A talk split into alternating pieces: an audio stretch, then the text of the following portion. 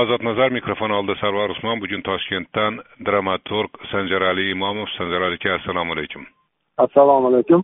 Oddiy bir toshkentlik sifatida aytsangiz koronavirus bilan bog'liq vaziyat qanday? Hozir sizni nazaringizda.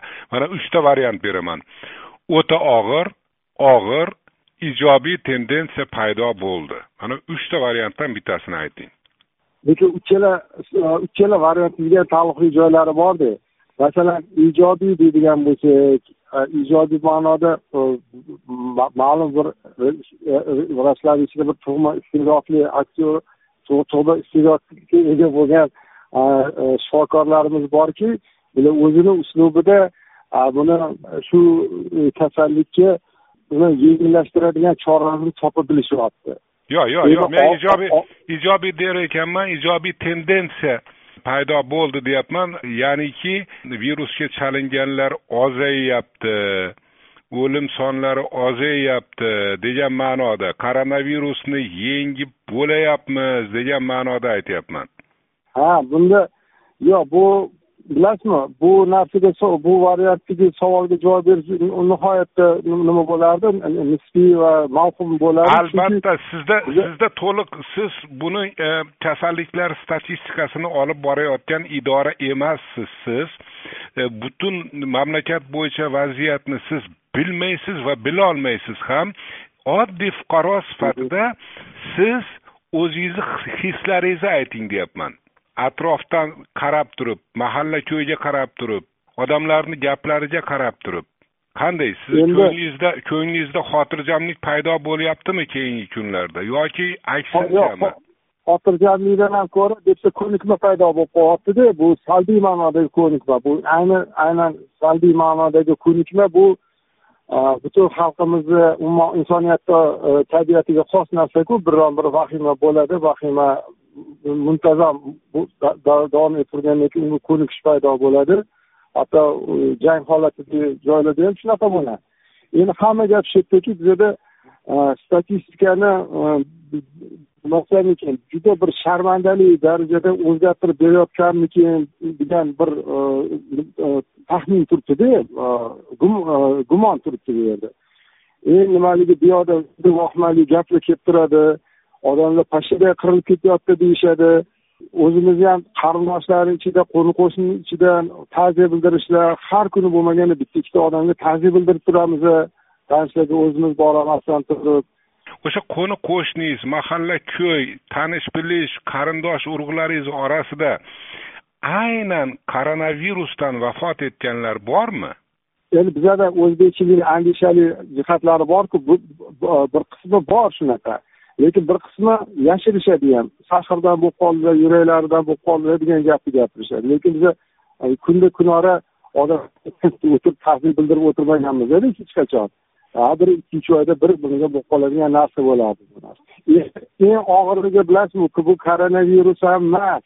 Eng eng bitta mana bezovta qiladigan e, joyi shu yerdaki na xalqda na davlat rahbarida Э, xususan davlat prezidentida haqiqiy ma'nodagi fidokorlik haqiqiy ich ichidan kuyinadigan holatdagi bir e, nima ekan e, haqiqiy fidokorlikni yurtparvarlikni namunasini ko'rayotganim yo'q. Til tilda gapiriladi hatto shu tilda gapiriladigan gapni ham gapirsangiz bir so'zi bir zalvori bir ko'zi cho'g'i bir yuzi bir tafti ko'rinmaydigan bir gaplar.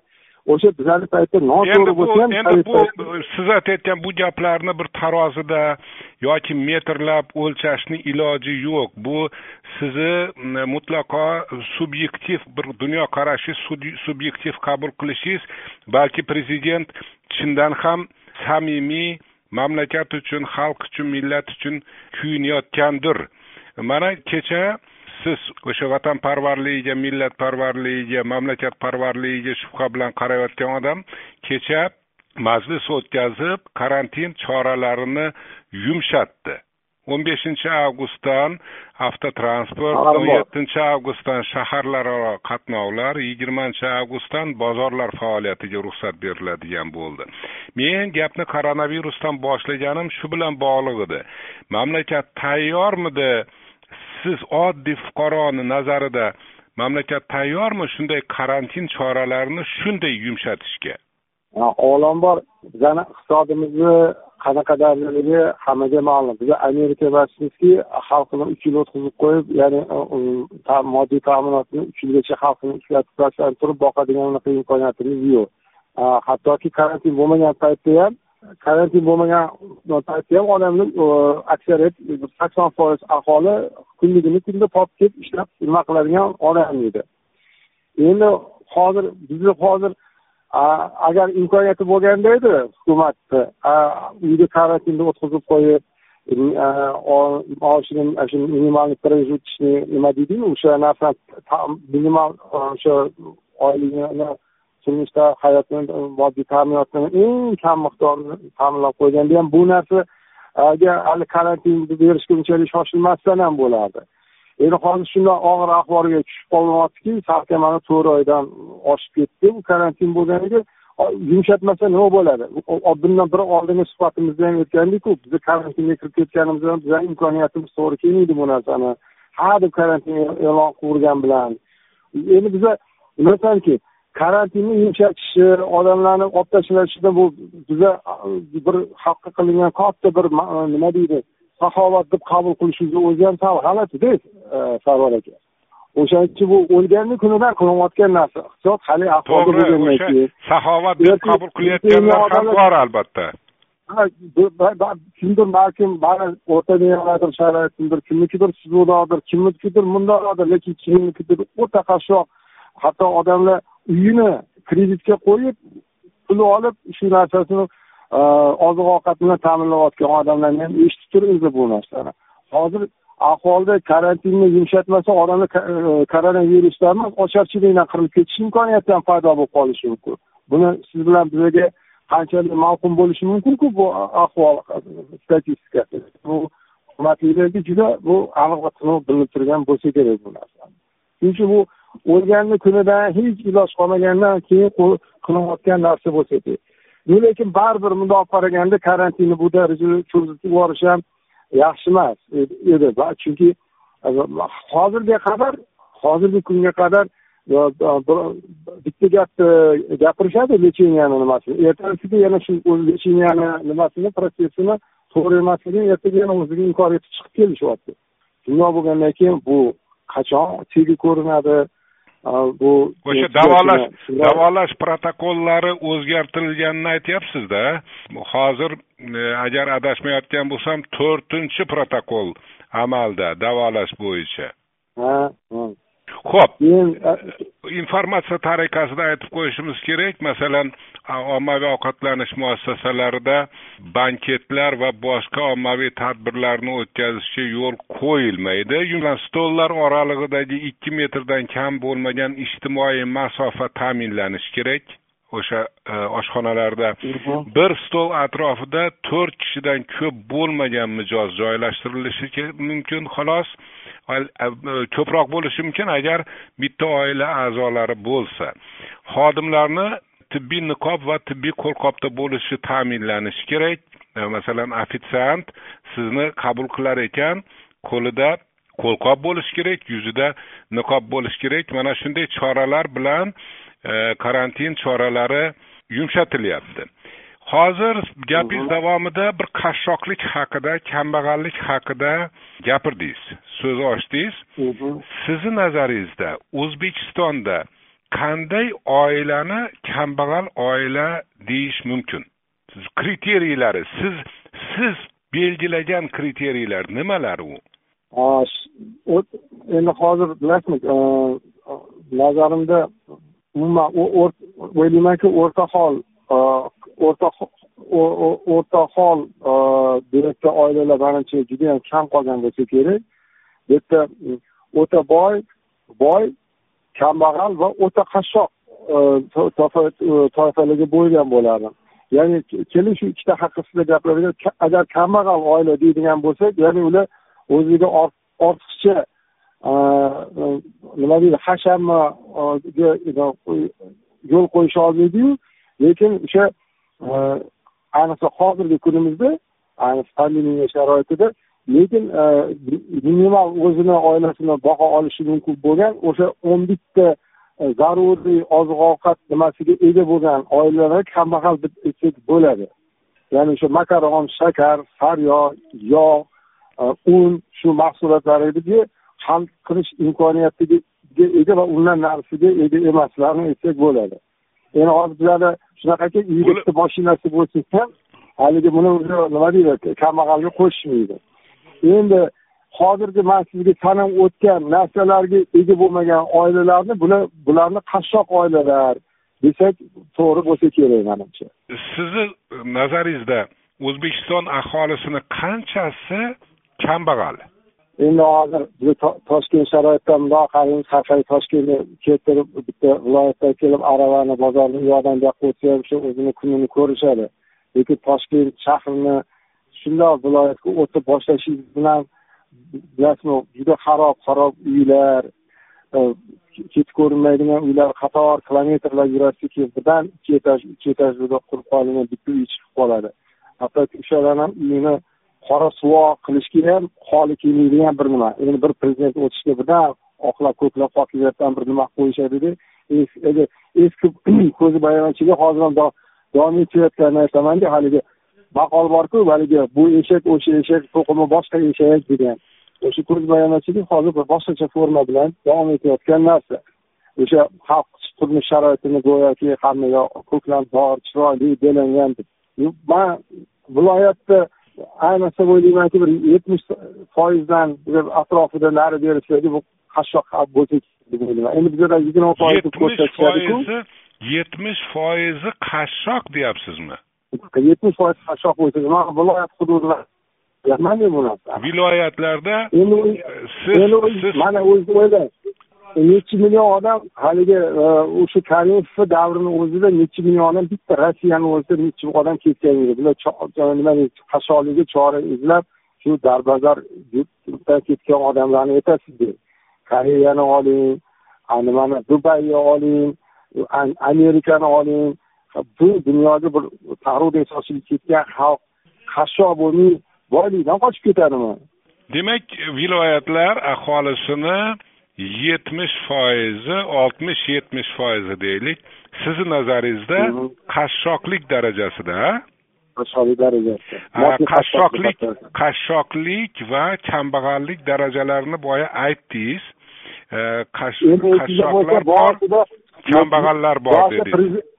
aka esingizda bo'lsa boshida bir prezident o'zi ham aytuvdi bir o'n foiz odam pul topib aql topmagan odamlar nima qiladi? To'ymasalar qolgan bir xalqimizni to'qson foizi qiynalib yashashadi degan gapni gapiruvdilar man tag'in ham sal kamaytirib gapiribman agar shu prezidentni gapidan agar iqtibos keltiradigan bo'lsak. Endi endi hukumatni fikri bilan tanishing.